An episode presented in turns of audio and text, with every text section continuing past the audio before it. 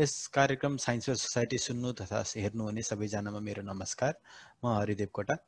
यस कार्यक्रम साइन्स र सोसाइटी हामीले Gandaki province academy of science and टेक्नोलोजीसँगको सहकार्यमा लिएर आएका छौँ र हरेक प्रोग्राममा हरेक एपिसोडमा हामीले विभिन्न विधामा अध्ययन अनुसन्धान गरिरहनुभएका विज्ञहरूसँग कुरा गर्नेछौँ। र आजको यो दोस्रो श्रृङ्खलामा हामीसँग अतिथि हुनुहुन्छ प्रोफेसर डाक्टर विजय पन्त। उहाँ अहिले त्रिभु Tribhuvan university central department of बोटानीमा professor हुनुहुन्छ।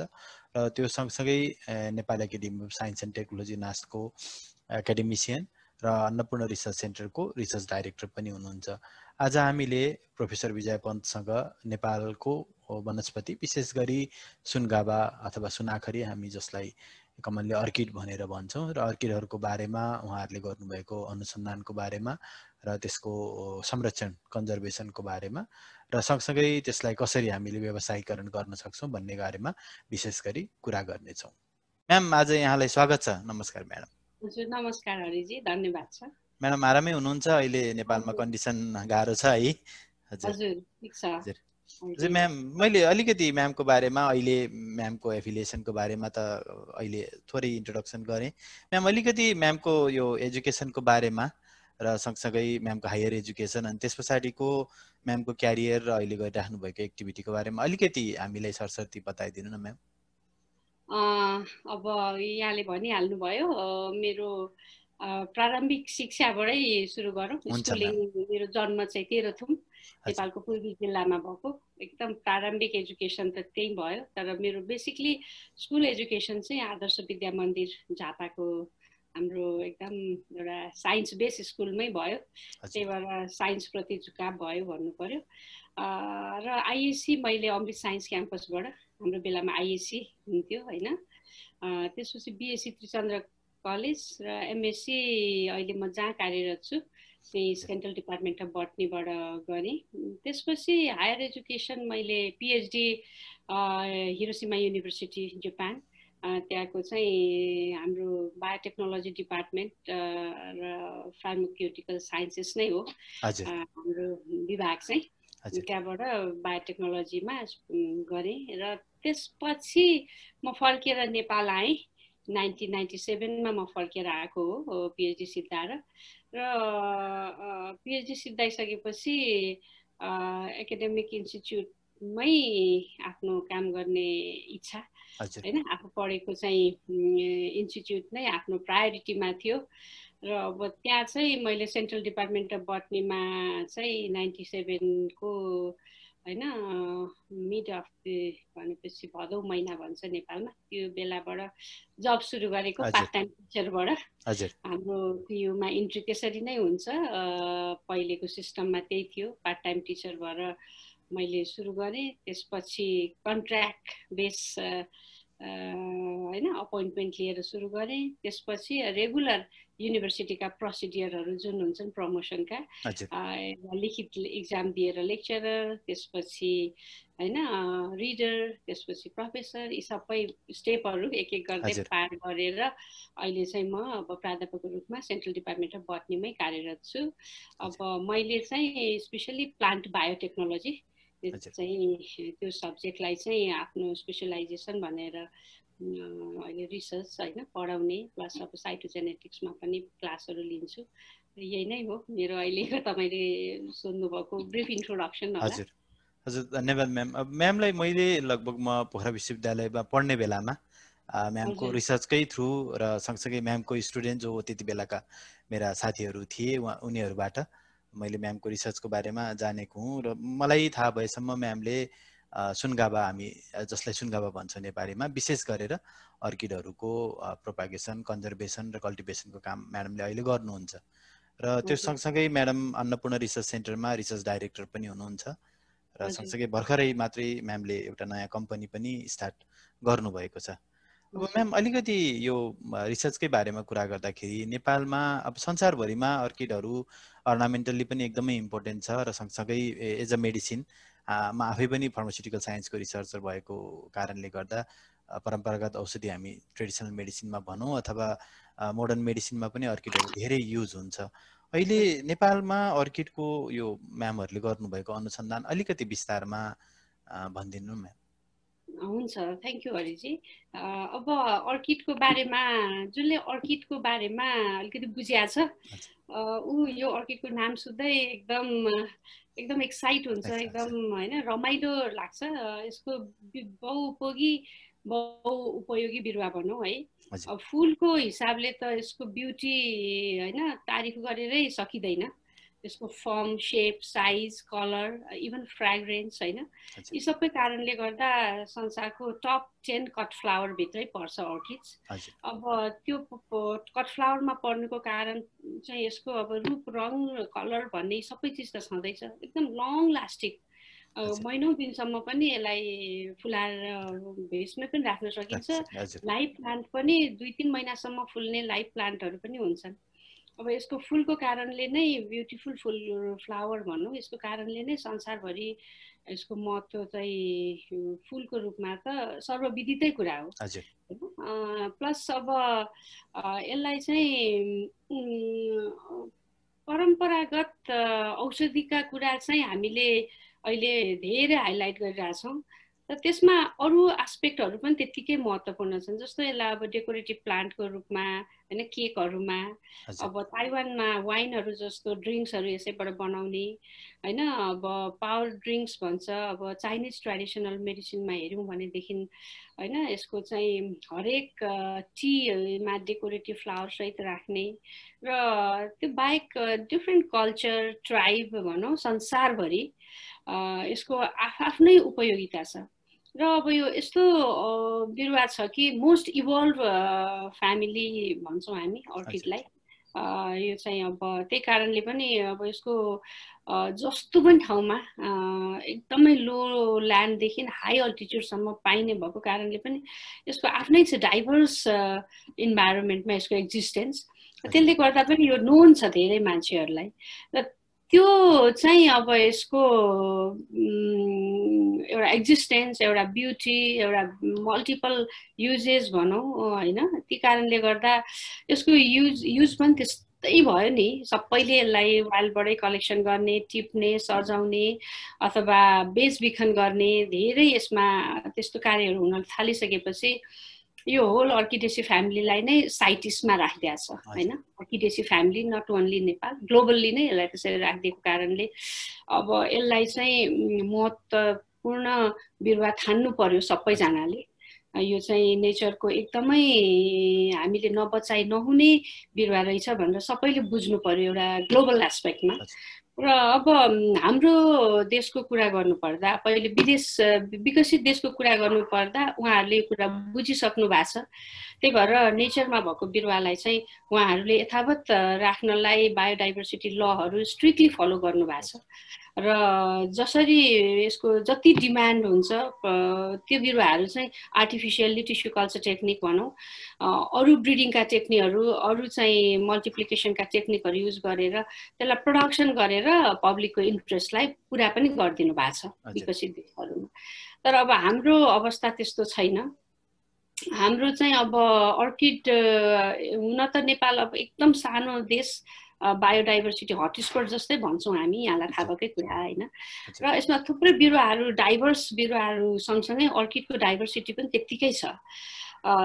तर अब विभिन्न प्रयोजनको लागि भनौँ अब कति ठाउँमा रुरल एरियाहरूमा यसको युज ट्रेडिसनल मेडिसिनको लागि युज हुन्छ अब फोडर प्लान्टकै लागि युज भएको छ क्याटल बिटकै लागि युज भएको छ। मान्छेहरूले कतिले खान पनि युज गर्छन् टनिकको रूपमा। र त्यो बाहेक अब हाम्रो दुईतिर छिमेकीहरूले चाहिँ अब आयुर्वेद छ यता यता ट्रेडिसनल चाइनिज मेडिसिन छ। त्यसमा धेरै डिमान्ड भयो र मान्छेहरूले त्यसको महत्त्व बुझ्नु भएन र अब आफ्नो डेलु डेको डे डे टु डेको दाल भात भनौँ त्यसको लागि पनि यसलाई बेचबिखन गरेर एउटा इन्कम जेनेरेसन गर्ने एउटा कार्यविधि कार्य काम कामहरू भए त्यसले गर्दा यसको पपुलेसन अति नै सिद्धिएर गयो। त्यसमा सबै स्पेसिस त नभनौँ। जुन एउटा हाई मेडिसिनल भ्यालु भएका स्पेसिसहरूको डिमान्ड थियो तिनीहरू चाहिँ नेचरमा सिद्धिँदै गइराखेको अवस्था छ। पाउन पनि गाह्रो छ कतिवटा। र त्यो कुरा अब बुझेको कुरालाई यसमा के गर्न सकिन्छ त भनेर भन्दाखेरि पहिलो कुरा त तिनीहरूको महत्त्वलाई हामीले हाइलाइट गर्नु पर्यो र त्यो महत्त्वमा त्यो महत्त्वका बिरुवाहरूलाई हामीले कन्जर्भेसन प्रोपागेसन र त्यसबाट के चाहिँ रहेछ त यिनीहरूमा? किन यस्तो यिनीहरूको डिमान्ड भएर गयो भनेर एउटा अनुसन्धान गर्नु पर्यो र सकिन्छ भने यी बिरुवाहरूलाई हामीले प्रडक्सन गरेर जसरी विदेशमा चाहिँ नि यिनीहरूलाई आर्टिफिसियली प्रडक्सन गरेर चाहिँ ल कल्टिभेट गर्नुहोस् यसलाई ग्रो गर्नुहोस् रमाएर यसलाई हेर्नुहोस् भनेर दिन सकिन्छ। त्यो दिन सक्यो भने ज जसले ग्रो गर्नुभयो उस उसले नै बचाउनु भयो भन्ने चाहिँ एउटा कन्सेप्टले हामी यसरी एउटा मल्टिपल अप्रोचलाई एड्रेस गरौँ भनेर काम गरिराखेको छौँ। हजुर धन्यवाद म्याम। र सँगसँगै मैले अलि अघि पनि म्यामको इन्ट्रोडक्सनमा सेकेन्डमा भने अलिकति। यो अन्नपूर्ण रिसर्च सेन्टर र सँगसँगै म्यामले रिसेन्टली चाहिँ अर्किड्स फ्रम नेचर भनेर यो जुन कल्टिभेसन गरिसकेको भनौँ न त्यस अर्किडको बेर्नाहरूलाई पनि त्यसको व्यावसायिकरणमा नि काम गर्नुभएको छ। म्यामलाई अलिकति अब धेरै अब जस्तो जापानमै भनौँ अरू देशहरूमा चाहिँ रिसर्च सँगसँगै त्यसलाई बिजनेससँग जोड्ने अथवा अरू एप्लिकेसनमा लैजाने एउटा कमन प्र्याक्टिस जस्तै हो। तर नेपालमा चाहिँ त्यति धेरै विधाहरूमा त्यो भएको जस्तो मलाई लाग्दैन जस्तो युनिभर्सिटीमा एकाडेमिसियन भइसके पछाडि धेरै जसो अध्ययन अध्ययन अनुसन्धानमै धेरै समय भनौँ न त्यो आफ्नो क्यारियर त्यसमै केन्द्रित गर्ने सर म्याडमहरू पनि धेरैजना हुनुहुन्छ। म्यामले चाहिँ अलिकति यो अन्नपूर्ण रिसर्च सेन्टर र सँगसँगै यो अर्किड्स फ्रम नेचर जुन अहिलेको नयाँ म्यामहरूले सुरु गर्नुभएको कम्पनी छ तिनीहरूको सुरु गर्नुको पछाडिको उद्देश्यको बारेमा अलिकति भनिदिनु न म्याम। हस् धन्यवाद हरिजी यहाँले त्यो बुझिसक्नु भएकै कुरा रहेछ। किनभने जापानमा हामी म पनि जापानमै पढेँ तपाईँ जापानमै हुनुहुन्छ। रिसर्चर रिसर्चमा इन्ट्रेस्ट हुने व्यक्तिहरू भनौँ न स्टुडेन्टहरू सबैजना पिएचडी गर्दैनन् होइन? कतिजना विद्यार्थीहरू चाहिँ हामी तपाईँकै युनिभर्सिटीमा पनि होला म पढ्दा पनि थियो। मास्टर गर्दा गर्दै उनीहरूले कुनै कम्पनीको चाहिँ रिसर्च चाहिँ गरिरहेको हुन्छन् उनीहरूको मास्टर थिसिस नै भनेर। र रिसर्च भनेको इन्डस्ट्रीसँग रिसर्चका विभिन्न अब विधाहरू हुन्छन्। बेसिकली हामी एकाडेमिक काममा लागेको मान्छेहरूको अल्टिमेट गोल भनेको राम्रो रिसर्च गराउने विद्यार्थीहरूलाई सिकाउने त्यसको राम्रो चाहिँ थिसिसहरू चाहिँ उनीहरूलाई कसरी गर्ने र त्यसको रिसर्चलाई कसरी पब्लिकेसनसम्म लग्ने अथवा त्योभन्दा अगाडि कसरी चाहिँ अडियन्स लार्ज अडियन्सको अगाडि कन्फरेन्समा गएर प्रेजेन्ट गर्ने होइन? आफ्नो रिसर्च रिसर्चलाई सकेसम्म एउटा लार्जर एकाडेमिक पपुलेसनमा इन्ट्रोड्युस गर्ने नै हो बेसिकली एकाडेमिक रिसर्च भनेको। र अब हाम्रो देशमा अनफर्चुनेटली सा साइन्स रिसर्चमा यो एकदमै महत्त्वपूर्ण हो र यसमा जति धेरै इन्भेस्ट गर्यो त्यति चाहिँ यसको आउटकम आउँछ। त्यति धेरै हाम्रो यङ मान्छेहरू देशमा बसेर काम गर्छन् र यसले चाहिँ इकोनोमीलाई चाहिँ सपोर्ट गर्छ भन्ने कुरा बुझ बुझेको पनि होला। तर अब बुझेर पनि हामीले यसमा ठुलो इन्भेस्टमेन्ट छैन। त्यही कारण अब रिसर्च भनेको चाहिँ इन्डस्ट्रीसँग जोडिनुपर्छ भन्ने कुरा हामीले हाम्रा अहिले जापानलाई हेर्दा पनि त्यही बुझ्छौँ। कोरिया हामी भन्दा हामी सँगै थियौँ कोरिया र हामी कति वर्ष अगाडि इकोनोमिक स्टेटसमा अहिले यति धेरै अगाडि बढ्नुको कारण उहाँहरूले रिसर्चलाई इन्डस्ट्रीसँग जोड्नुभयो। हरेक प्रोफेसर चाहिँ रिसर्च इन्डस्ट्रीसँग एसोसिएट हुनुहुन्थ्यो कुनै बेला। त्यसमा एउटा कोरियाको इक्जाम्पल लिन सक्छौँ। त्यही भएर अब हाम्रो देशमा रिसर्च इन्डस्ट्री भनेकै छैन। रिसर्चको फाइन्डिङलाई इन्डस्ट्रीसँग जोड्ने एउटा सिस्टम चाहिँ छैन। अब यो सिस्टम चाहिँ ओभरनाइट डेभलप हुने कुरा पनि होइन रातारात डेभलप हुँदैन। र अब कतिजना विद्यार्थीहरू चाहिँ सबैजना के गर्ने त अब म त रिसर्च सबै विधामा बटनीकै मात्रै कुरा नगरौँ केमिस्ट्री पढ्नुहुन्छ फिजिक्स पढ्नुहुन्छ कम्प्युटर साइन्स अरू जियोलोजी इन्भाइरोमेन्ट साइन्स हाम्रो थुप्रै माइक्रोबायोलोजी भनौँ सबै छन् सब्जेक्टहरू जुन अप्लाइड सब्जेक्टहरू हुन्। तर अब ती विद्यार्थीहरू कि त एउटा कलेजमा पढाउने स्थिति छ अथवा विदे अथवा विदेश पलायन हुनुपर्ने अवस्था छ। र जति धेरै रिसर्च इन्डस्ट्रीहरू हामीले इस्टाब्लिस गर्न सक्यौँ त्यति चाहिँ उहाँहरूले नेपालमा बसेर केही काम गर्ने मौका पाउनुहुन्छ। अब मलाई लागेको यी कुरा यो त अब एउटा ब्याकग्राउन्ड इन्फर्मेसनहरू यिनीहरू हामी सबैले बुझेकै कुरा हो।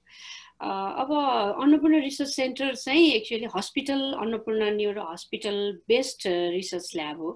र यसको स्थापना पनि अब यो अन्नपूर्ण हस्पिटलको चेयरम्यान भनौँ डक्टर पन्त मेरो श्रीमान पनि हुनुहुन्छ। एउटा हस्पिटलमा रिसर्च ल्याब चाहिन्छ। किनभने हस्पिटल भनेको यस्तो ठाउँ हो जुन चाहिँ पेसेन्ट डायग्नोसिसको बेलामा नोन र अननोनको बिचमा एउटा ग्याप हुन्छ। र त्यो ग्यापलाई आन्सर दिने भनेको चाहिँ रिसर्चले नै हो। त्यही भएर रिसर्च सेन्टर हुनुपर्छ भन्ने कन्सेप्टले हस्पिटलको सपोर्टमा स्थापना भएको रिसर्च ल्याब भयो। र अब यसमा अर्किड कसरी जोडिन आयो भन्दाखेरि हामीले अर्किड चाहिँ कन्जर्भेसन यसको के छ त मेडिसिनल प्रपर्टी भनेर अब थुप्रै लिट्रेचरहरूमा एन्टी क्यान्सर प्रपर्टिजहरू भएको हामीले पढ्यौँ बुझ्यौँ। तर अब हाम्रो इलिगल्ली ट्रेड भएको अर्किडहरूको के छ त भन्ने कुरा हामीले एउटा त्यस्तो सेटअप चाहिएको थियो एन्टी क्यान्सर प्रपर्टिज चाहिँ हेर्नुपर्ने। र त्यो त्यसको लागि एन्टी क्यान्सर प्रपर्टी नै हेर्न हामीले त्यो रिसर्च ल्याबलाई डिजाइन गरे हो। र त्यसमा हामी सर्टेन एक्सटेन्टसँग हामी सक्षम पनि भएको छौँ। हामीले सर्टेन स्पेसिसको एउटा सर्टेन लेभलसम्मको एन्टी क्यान्सर प्रपर्टी एकदमै राम्रो रहेछ। एकदमै हामीले नर्मल सेलमा चेक गर्दा पनि नर्मल सेललाई नछुएर क्यान्सर सेललाई मारेको चाहिँ हामीले रिपोर्ट रिजल्टहरू पाएको र यसमा हामीले यो सहकार्यबाट पब्लिकेसन पनि गरेका छौँ। अब बिरुवा त थाहा पाइयो यसको एन्टी क्यान्सर प्रपर्टी रहेछ यो बिरुवा एकदमै भ्यालुएबल रहेछ तर यो बिरुवा नेचरमा सिद्धिएर गएको छ भन्ने कुरा हामीले थाहा पायौँ। तर अब युनिभर्सिटीमा त्यसलाई लार्ज स्केल प्रडक्सन गर्ने हामीसँग इन्फ्रास्ट्रक्चर हाम्रो एउटा सिस्टममा नभएको कारणले ल यो बिरुवालाई चाहिँ हामी प्रडक्सन पनि गरौँ अनि इलिगल्ली ट्रेड नगरेर let the people grow it होइन यसलाई लार्ज स्केल कल्टिभेसन गऱ्यो भने त त्यसलाई चाहिँ आफै हामीले इन्डस्ट्री बनाउन सक्यौँ। त्यही बेचबिखन गरेर चाहिँ हामी होइन नेसनल इकोनोमी इन्डिभिजुअल इकोनोमीलाई गेन गर्न सक्छौँ भन्ने एउटा कन्सेप्ट हो। र अब यो त इट्स अ लङ वे अहिले आजको यो एउटा कन्सेप्टलाई इन्ट्रोड्युस गरे हो। र यो कुरालाई अरूहरूले पनि कपी गर्नु गर्नु जति धेरै कपी भयो त्यति हाम्रो इन्डस्ट्रीहरू चाहिँ अगाडि आउँछ। एउटा अर्किड एउटा इक्जाम्पल मात्रै हो। अरू धेरै यति भ्यालुएबल प्लान्टहरू अरू पनि छन्। र अर्को एउटा चाहिँ हामीले त्यो अर्किडको एन्टी क्यान्सर कम्पाउन्ड चाहिँ कल्चरमै इन भिट्रो नै सिन्थेसाइज गर्ने एउटा सिस्टम पनि डेभलप गरेका छौँ अहिले। सो द्याट हामीले नेचरमा गएर जङ्गलमा गएर बिरुवा नल्याइकन पनि टिस्युबाट पनि एन्टी क्यान्सर कम्पाउन्ड निकाल्ने भनेर अहिले हामी काम गरिरहेछौँ। त्यही भएर अब रिसर्च सेन्टर चाहिँ रिसर्च प्लस भनौँ। रिसर्च प्लस त्यसपछि orchids from nature tissue culture raise भनेर चाहिँ एउटा हामीले पिपुलहरूलाई एउटा एउटा fantasy you can grow orchid very easily होइन सानो सिडलिङबाट यसलाई माया गरेर ग्रो गराउनुहोस् आफ्नै अर्किडहरू भनेर चाहिँ एउटा मेसेज दिनलाई रिसर्च प्लस काम गर्न खोजेको हो। हजुर म्याम अहिले अब अर्किड मात्रै नभएर धेरै मेडिसिनल प्लान्टहरू अथवा अरू नेचुरल रिसोर्सेसहरू जसको कम्पाउन्डहरू बायोएक्टिभ कम्पाउन्डहरू फार्मास्युटिकल इन्डस्ट्री कस्मेटिक र अरू इन्डस्ट्रीहरूमा युज हुन्छ। यो बायोटेक्नोलोजिकल टुल जस्तो टिस्यु कल्चर सेल कल्चरहरू धेरै विकसित देशहरूमा भएको छ र म्याडमहरूले त्यो अहिले नेपालमा गर्नुभएको देख्दाखेरि चाहिँ हामीलाई पनि एकदमै खुसी लाग्छ त्यो प्रकारको अध्ययन अनुसन्धान हुनु र सँगसँगै त्यसको त्यो अवेरनेस हुनु नै पनि आफैमा यो पनि गर्न सकिन्छ भन्ने एकदमै ठुलो हाम्रो लागि पनि इन्सपिरेसन हो। र सँगसँगै म्यामले अघि पनि भन्नुभयो जो लोप हुँदै गएको वनस्पतिहरू अब अर्किड पनि भयो त्यो तिनीहरूलाई चाहिँ अब सेल बेस सिस्टम अथवा टिस्यु बेस सिस्टममा हामीले सस्टेनेबली तिनीहरूलाई ग्रो गर्न सक्यौँ र प्रोडक्सन गर्न सक्यौँ भने सायद हामीले कन्जर्भेसन पनि र युटिलाइजेसन गर्ने दुइटै मेथडहरूमा लान सक्छौँ। म्याम अलिकति अब अघि पनि कम्युनिटीको कुरा गऱ्यौँ हामीले अब नेपालमा धेरै अब म्यामले पनि भन्नुभयो डाइभर्सिटी धेरै छ र त्यो सँगसँगै लोपन्मुख पनि हामीसँग धेरै वनस्पतिहरू छन् र सँगसँगै अर्किडहरू पनि छन्। यो कम्युनिटी लेभलमा चाहिँ कतिसम्म थाहा हुन्छ जस्तो लाग्छ म्याम? जस्तो म्यामलाई म एउटा इक्जाम्पल दिन्छु मेरो घर लुम्ले। लुम्लेमा पनि अब मैले पनि हामीले धेरै धेरै जसो गुराँसको बुट्टाहरूमा अरूमा धेरै अर्किडहरू देख्थ्यौँ हेर्दा एकदमै राम्रो लाग्थ्यो उति बेला टिप्थ्यौँ लान्थ्यौँ तर त्यति धेरै अर्किडहरूको स्पेसिस डिफ्रेन्सको बारेमा अथवा नर्मली सुनगावा भनेर जान्यो अथवा सुनाखरी भनेर जानिसके पछाडि त्यो दुईवटा डिफ्रेन्ट स्पिसिस हो अथवा यो चाहिँ जता पनि पाइन्छ कन्जर्भेसन त्यति इम्पोर्टेन्ट छैन। तर यो चाहिँ एकदमै रियर स्पिसिस हो भन्ने खालको नलेज कमन मान्छेलाई चाहिँ एकदमै हुँदैन जस्तो लाग्छ मलाई चाहिँ। अब त्यसको चाहिँ नेपालमा अहिले कस्तो छ म्याम त्यो अवेरनेसको स्थिति। हजुर। अब एकदम एकदमै महत्त्वपूर्ण कुरा उठाउनु भयो है हरिजी एकदम यो कुरा हो। अब यसमा चाहिँ हाम हामीलाई पनि यो फिडब्याक चाहिँ कसरी आयो भने हामीले कम्युनिटीमा साँच्चीकै कस्तो रहेछ त अर्किडको स्टेटस त्यहाँको जनमानसको चेतना भनेर हामीले काम गऱ्यौँ। दुईवटा कम्युनिटीमा हामीले काम गऱ्यौँ तामन र चितलाङ भनेको चाहिँ जुन चाहिँ अर्किडको हटस्पट भनिन्थ्यो पहिले अहिले दामनमा त अलमोस्ट धेरै नै इलिगल ट्रेड भएर त्यो नोन ठाउँ थियो त्यहाँबाट ट्रकका ट्रक अर्किड लोड भएर चाहिँ धेरै अगाडि अहिलेको कुरा मात्रै होइन नाइन्टिजको कुरा एटिजको टाइमदेखि त्यसरी लस भएको ठाउँ हो त्यो। र हामीले दुईवटा कम्युनिटी फरेस्टलाई बेस गरेर त्यहाँ काम गरेका थियौँ। र इन्ट्रेस्टिङ कुरा के रहेछ भने त्यहाँको लोकल मान्छेहरूलाई त्यति जानकारी छैन। र उहाँहरू त्यो इलिगल्ली जुन त्यहाँ उहाँहरूकोबाट कलेक्सन हुन्छ अर्कै ठाउँबाट आएर कलेक्सन गरेर जानु हुँदो रहेछ र त्यो कुरो चाहिँ एकदमै त्यो लोकल ठाउँमा अवेरनेस इन्फर्मेसन सेयरिङ अथवा नलेज सेयरिङ चाहिँ एकदमै हुनुपर्छ भन्ने हामीलाई त्यो स्टडीको बेला फिल भयो। र हामीले उहाँहरूसँगै काम गऱ्यौँ र हामीले एउटा बुक पनि निकालेका छौँ त्यो स्टडीको treasure troves of orchids in central Nepal भनेर। र इन्ट्रेस्टिङ के पाइयो भने हाम्रो त्यो अध्ययनको क्रममा जुन कम्युनिटी फरेस्ट छ अहिले नेपालमा एउटा सक्सेसफुल स्टोरी भन्छ जब सखा भइराखेको वन कम्युनिटीले जिम्मा लिएपछि फेरि बढ्यो भनेर जुन हामी एउटा प्राउड गर्छौँ। त्यो चिज चाहिँ हो रहेछ। अर्किडको पपुलेसन पनि कम्युनिटी फरेस्टभित्र चाहिँ धेरै प्रिजर्भ रहेछ। र जुन कम्युनिटी फरेस्ट बाहिरको एरिया छ त्यसमा हामीले हेर्दा पोहोर साल भएको रुखमा यसपालि जाँदा अर्किड नै छैन। त्यही भएर तर जुन कम्युनिटी फरेस्टभित्र हामीले स्टडी गऱ्यौँ त्यहाँ चाहिँ छ। र उहाँहरूलाई हामी सँगसँगै जङ्गल जङ्गल घुम्यौँ जङ्गल जङ्गलमा गएर यो बिरुवा यस्तो हो भन्यौँ। अब कतिजनाले यसको हामी बिउ बिउ भनेको एकदमै सेन्सिटिभ हो। त्यो चाहिँ हतपत ग्रो हुँदैन फङ्गससँग भेट नभई। अब त्यो पनि सिट सेट हुन पनि गाह्रो छ। अब त्यस्तो बिउहरूबाट हामी अचार बनाएर खान्थ्यौँ भन्ने उहाँहरूको होइन जानकारी यो कस्तो बिरुवा हो भन्ने थाहा नपाएको कारणले। त्यही भएर हामीले काम गर्दा एकदमै कम्युनिटीको दाजुभाइ दिदीबहिनीहरू चाहिँ ओहो यस्तो भ्यालुएबल एउटा ट्रेजर हाम्रो ठाउँमा रहेछ भनेर चाहिँ त्यसप्रति एकदमै अब हामी यसलाई आफै पनि ग्रो गरेर अथवा हाम्रो जङ्गलमा यसलाई फेरि ल्याएर रोपेर हामी चाहिँ यसलाई कन्जर्भ गर्छौँ भन्ने एउटा मनस्थितिमा पुग्नुभयो हामीसँग काम गर्दा। र अब यहाँ लुम्ले भन्नुभयो पान्चासे पनि तपाईँको घर नजिकै पर्ने होइन एउटा एकदमै हट स्पट हो। त्यहाँ चाहिँ त्यहाँको कम्युनिटीले चाहिँ त्यो फरेस्टभित्र चाहिँ सुनगाबा संरक्षित क्षेत्र भनेर चाहिँ तारबार गरेर धेरै कन्जर्भ गरेका छ पान्चासेको एउटा सेक्टरलाई र अब अर्किड जङ्गलमा हुँदाखेरि के भन्छ यो हनिबीको पपुलेसन एकदमै बढ्छ एउटा पोलिनेटर हो हनिबी। र पञ्चासेको हरेक होमस्टेको घरमा चाहिँ हनी प्रडक्सन गर्नुभएको छ उहाँहरूले। र अर्किड जङ्गलमा हुनु भनेको अर्किडको मात्रै कुरा भएन।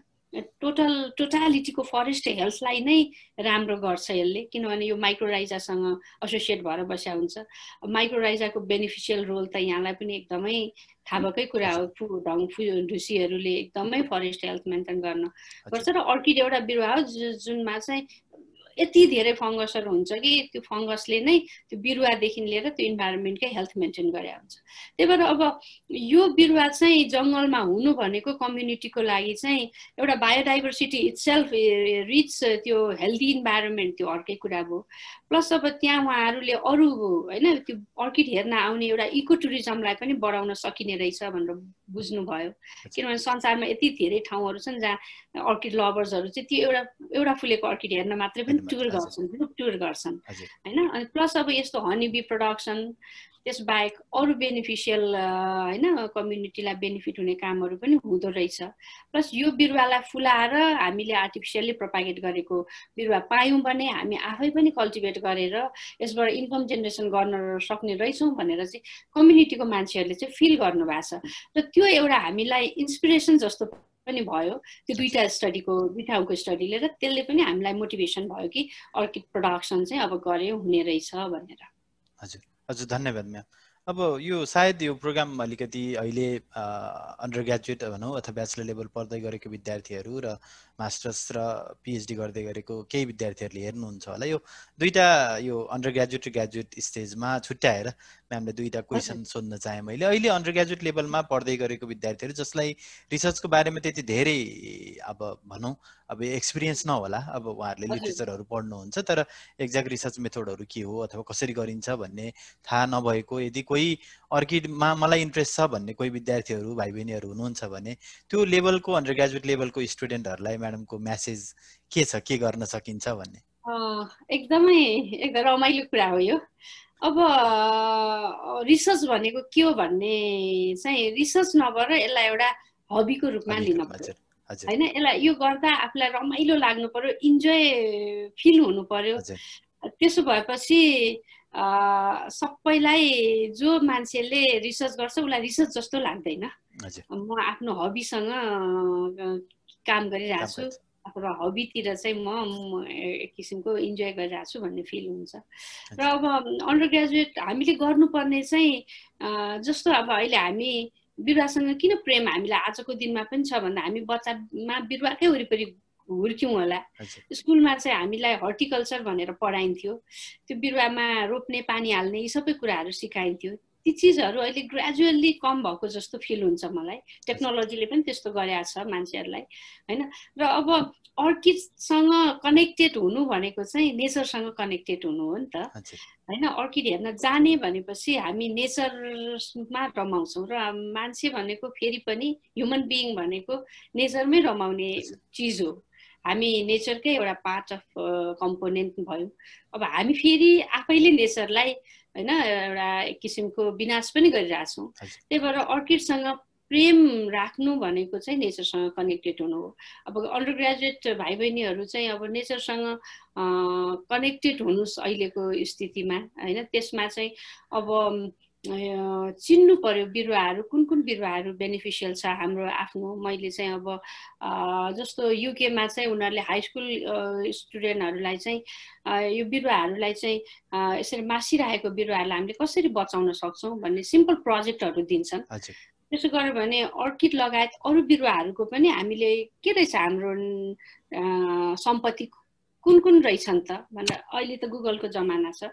त्यस्ता बेसिक इन्फर्मेसनहरू पनि ल्याउन पाइयो भनेदेखि आफूलाई फर्दर मैले के गर्ने त भन्ने कुराको एउटा ब्याकग्राउन्ड इन्फर्मेसन आउँछ जस्तो लाग्छ।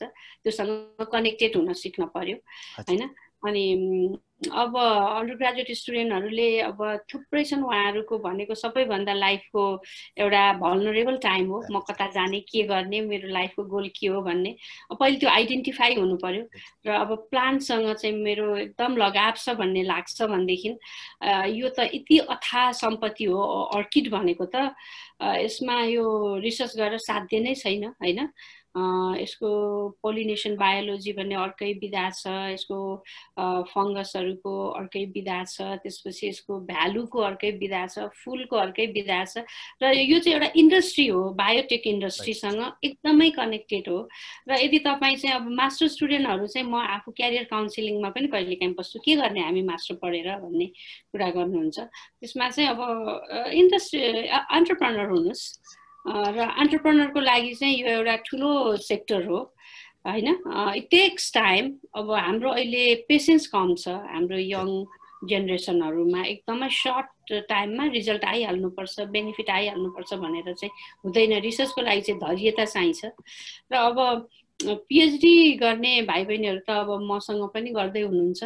उहाँहरू चाहिँ म चाहिँ पिएचडी स्टुडेन्टहरू लिँदा त्यो चिजमा उहाँको एक एकदम भित्रबाट लगाव भइसकेपछि मात्रै म त्यो चिजमा काम गरेर भनेर लिन्छु।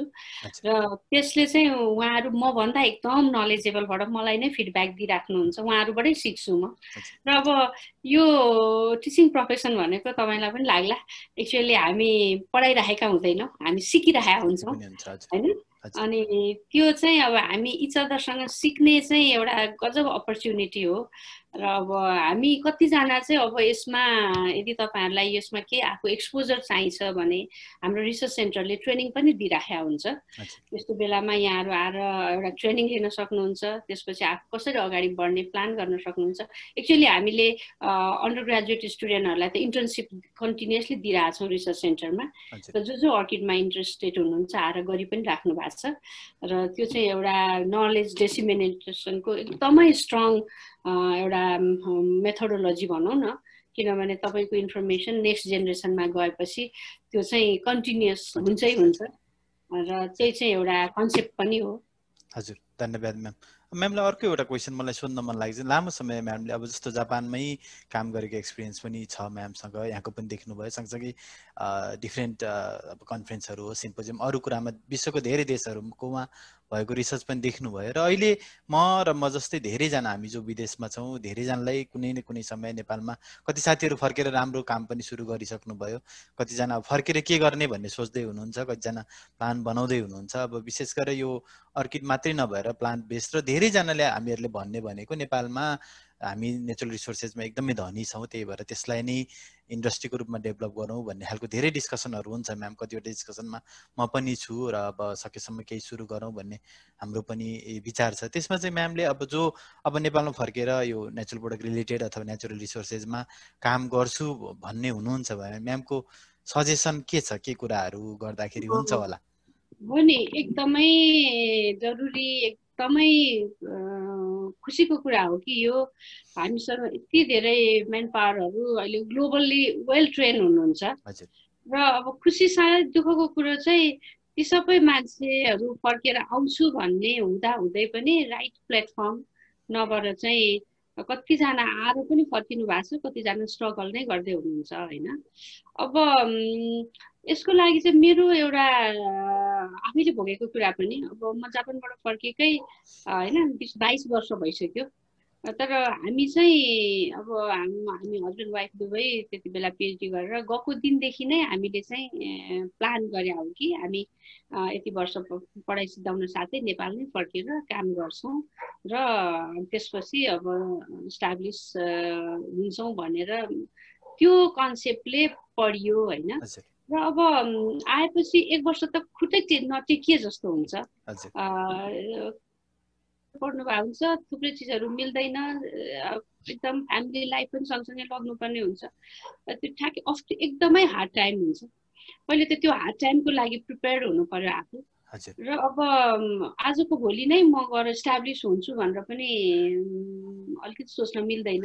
किनभने म भने नि बिसौँ वर्षपछि अहिले मेरो रिसर्च इन्डस्ट्रीमा जानुपर्छ भन्ने कुरा मैले जापानमै बुझेर फर्क्या हो अहिले आज बिसौँ वर्षपछि अलिकति अब पोसिबिलिटीको बाटोहरू खुले। अझै पनि एकदमै स्ट्रगल छ।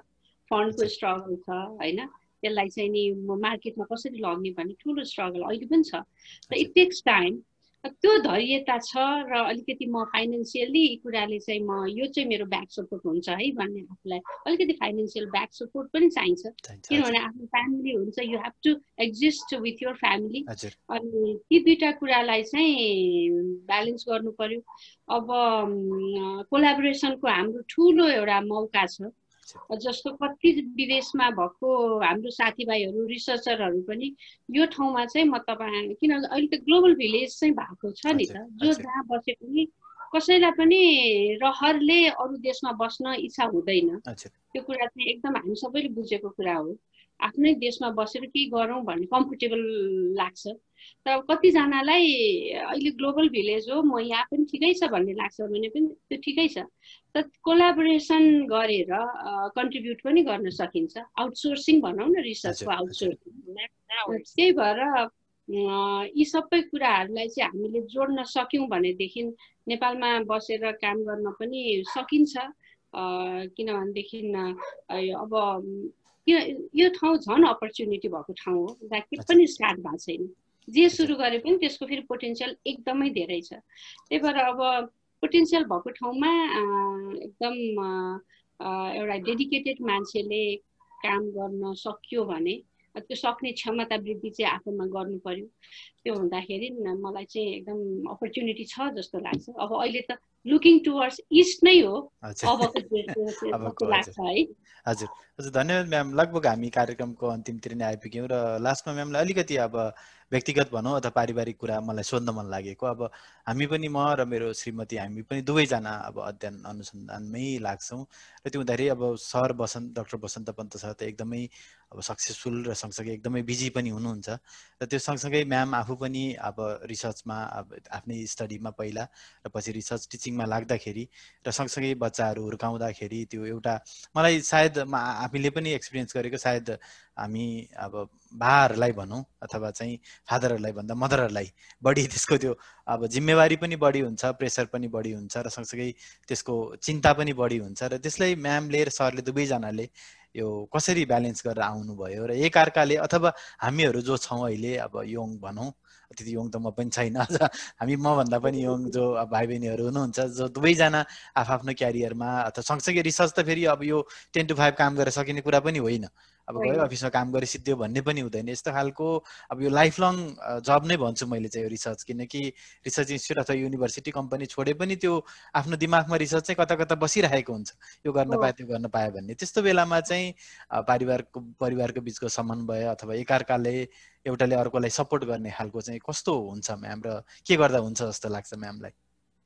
अब धेरै कुरा त हरिजीले आफ्नो क्वेसनमै भनिसक्नु हो होइन? तपाईँले जे भन्नुभयो त्यही हो। एउटा इच अदरप्रति एकदम सपोर्ट होइन? सपोर्ट अन्डरस्ट्यान्डिङ एकदमै चाहिन्छ। दुईजनै क्यारियर ओरिएन्टेड भइसकेपछि। अब मेरो केस हाम्रो केसमा मेरो जब होइन मेरो हस्बेन्डको जबभन्दा मोर वर्क फ्रम होम पनि गर्न सकिने टाइपको भएको हुनाले त्यो अलिकति सजिलो पोइन्ट त्यो भयो। तर अब बच्चा हुर्काउँदै काम गर्नु भनेको तपाईँको लाइफको सबैभन्दा च्यालेन्जिङ फेज हो। र त्यसमा सबैभन्दा बुझ्नु सक्नुपर्ने कुरा चाहिँ time management time management is so important कि त्यसले तपाईँलाई डाइभर्ट चाहिँ गर्छ। जस्तो मैले साँच्चीकै एकदमै दिमाग लाएर सिरियसली गर्नुपर्ने काम म बच्चा सुतेको बेला एकदम मिड नाइटमा त्यसरी पनि गरेर चाहिँ कम्प्लिट गर्थेँ। र त्यो एकदम आफूलाई आफ्नो एनर्जीलाई डाउन हुन कुनै बेला पनि दिनु हुँदैन मैले बुझे अनुसार एउटा किन प्यासन चाहियो काम गर्नलाई। र अब घर फ्यामिलीलाई एकदम स्मुथली ब्यालेन्स गर्न सकिएन भने बाहिर गएर राम्रोसँग काम गर्न सकिँदैन भन्ने कुरा छ। एउटा नोन फ्याक्ट होइन। र त्यही भएर अब स्वास्नी मान्छेहरू चाहिँ त्यो कुरामा टाइम म्यानेजमेन्ट यी सबै कुरामा अलिकति बलियो हुन्छ जस्तो लाग्छ मलाई। एकदम यस्तो कुरा चाहिँ म म्याट मेरो टाइम म्यानेजमेन्ट यो ब्यालेन्स गर्न चाहिँ अब मेहनत गर्नुपर्छ मेहनत गरियो पनि। र अब सर्टेन लाइफको सर्टेन फेज हो त्यो त्यो फेरि पार हुन्छ। त्यसपछि अनिखेरि अर्को फेज आउँछ। अहिले अर्को फेजमा छौँ हामी केटाकेटीहरू अलिक ठुलो भइसकेपछि। केटाकेटी ठुलो भए पनि रेस्पोन्सिबिलिटी त हुन्छ। तर त्यसरी नै एउटा हार्ड टाइममा चाहिँ आई विल गो थ्रु भनेर अलिकति आफूलाई स्टेबल बनाएर काम गर्नुपर्छ र अब हामी चाहिँ इच अदरलाई एकदमै एउटा स्पेस दिने एउटा रेस्पेक्ट होइन? र हाम्रो आफ्नो कामको भ्यालु चाहिँ सोसाइटीलाई पनि त्यत्तिकै महत्त्वपूर्ण छ भन्ने कुरा चाहिँ बुझेका छौँ। त्यही भएर सबैले बुझ्या हुन्छ किनभने हामी सबै त्यो फेजबाटै अगाडि बढ्ने हो। यसरी नै होला। हजुर। धन्यवाद म्याम। आज धेरै कुरा म्यामसँग कुरा यसरी अब सिधै जुम मार्फत भए पनि कुरा गर्न पाएँ। मलाई नि खुसी लाग्यो र सँगसँगै यस्तै गरेर म्यामहरूले हामीलाई मोटिभेसन इन्सपिरेसन अझै पनि दिनुहुन्छ जस्तो लाग्छ र सँगसँगै साथीहरू जो म्यामसँग कोलाब्रेसन गर्न अथवा केही सिक्न खोज्नुहुन्छ उहाँहरूले म्यामलाई सिधै कन्ट्याक्ट गर्न सक्नुहुन्छ र डेफिनेटली मैले पनि धेरै पटक म्यामसँग मेल अथवा डाइरेक्टली फोनमा धेरैचोटि कन्स भनौँ केही मेरो आफ्नो जिज्ञासाहरू राखेर म्यामसँग सजेसनहरू पनि लिएको छु र सधैँ सपोर्टिभ भएर म्यामले सधैँ सपोर्ट गरिराख्नु भएको छ र यस्तै अझ पनि म्यामले गर्नुहोला भन्ने हाम्रो आशा छ र पक्कै पनि गर्नुहुनेछ। म्याम आजको हजुरको समयको लागि धेरै धेरै धन्यवाद र यसै गरी हामीलाई सिकाइराख्नु होला हस् धेरै धेरै धन्यवाद हरिजी मैले पनि धेरै कुरा सिकेँ। थ्याङ्क यू सो मच हस् हस् म्याम